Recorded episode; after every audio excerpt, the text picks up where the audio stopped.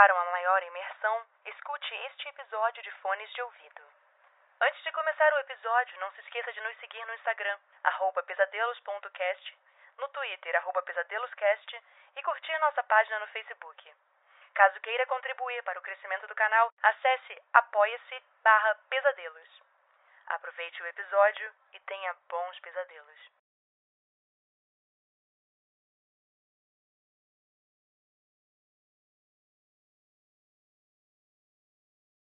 O Ponto, por William Camargo.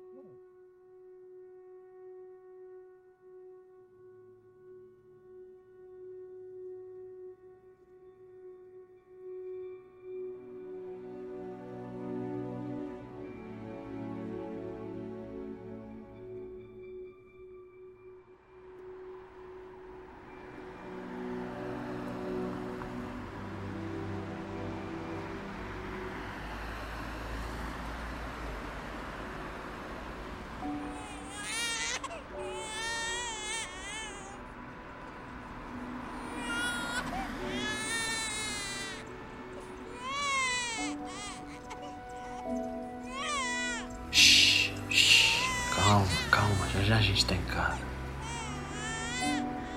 Ele tem quantos anos? O quê? Um bebê. Quantos anos ele tem? De novo isso. Bom, ele tem um ano e um mês. Que bacana. É muito bonitinho. E onde é que tá a mãe dele? Bom, ela se foi. Agora sou só eu, ele e o meu pai. Ah, entendo. Eu também tinha um filho. Hoje em dia ele tá casado, pai recente. De primeira viagem que se fala, né? Nada melhor do que uma criança em casa. Tira o sossego, mas traz boas energias. Me lembro quando tive o meu. Era muito chorão. Eu quase não dormia nos primeiros anos. Eu trabalho demais. É, não é fácil. Definitivamente não é fácil. Você disse que são apenas vocês três? Você, seu pai e bebê? Sim, sim. Nós três. Mas meu pai tá doente. Ora, calma, calma. Vai dar tudo certo. Você já ouviu falar de Franz Kafka? Sim, já ouvi, o escritor, né? Sim, esse mesmo. Kafka nunca foi casado ou teve filhos. Um dia, andando pelo parque em Berlim, ele encontrou uma garotinha chorando num banco. Ele perguntou o que havia acontecido a ela e ela disse que havia perdido sua boneca favorita. Kafka se juntou à garotinha e começou a procurar pela boneca no parque, mas não encontraram nada. A garotinha voltou para casa triste. No dia seguinte, Kafka caminhava novamente pelo parque e encontrou a garotinha. Mas ele havia preparado uma surpresa. Ele disse à menina que havia encontrado a boneca na noite passada e a boneca havia deixado uma carta para a garotinha, dizendo para ela não chorar, pois havia começado uma nova jornada de aventuras. Nesta carta, a boneca contava sobre fadas, dragões e outras aventuras infantis.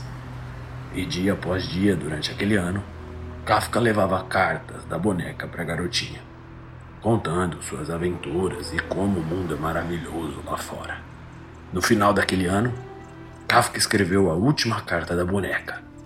A carta dizia que a boneca havia mudado, que suas aventuras a mudaram e que ela precisava ir embora. Então ele comprou uma boneca nova para a garota. Kafka havia contraído tuberculose aquele ano, sabia que não viveria muito. E no ano seguinte ele faleceu. A garotinha nunca mais o viu. E os anos se passaram. A menina cresceu e virou uma mulher.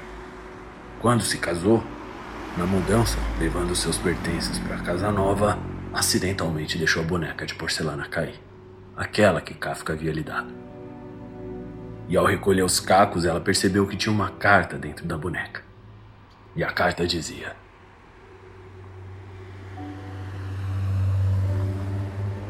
Você vai perder tudo o que ama e vai se perder.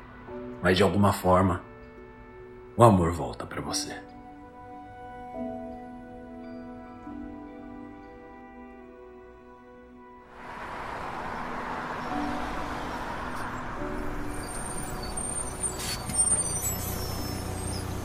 Bela história.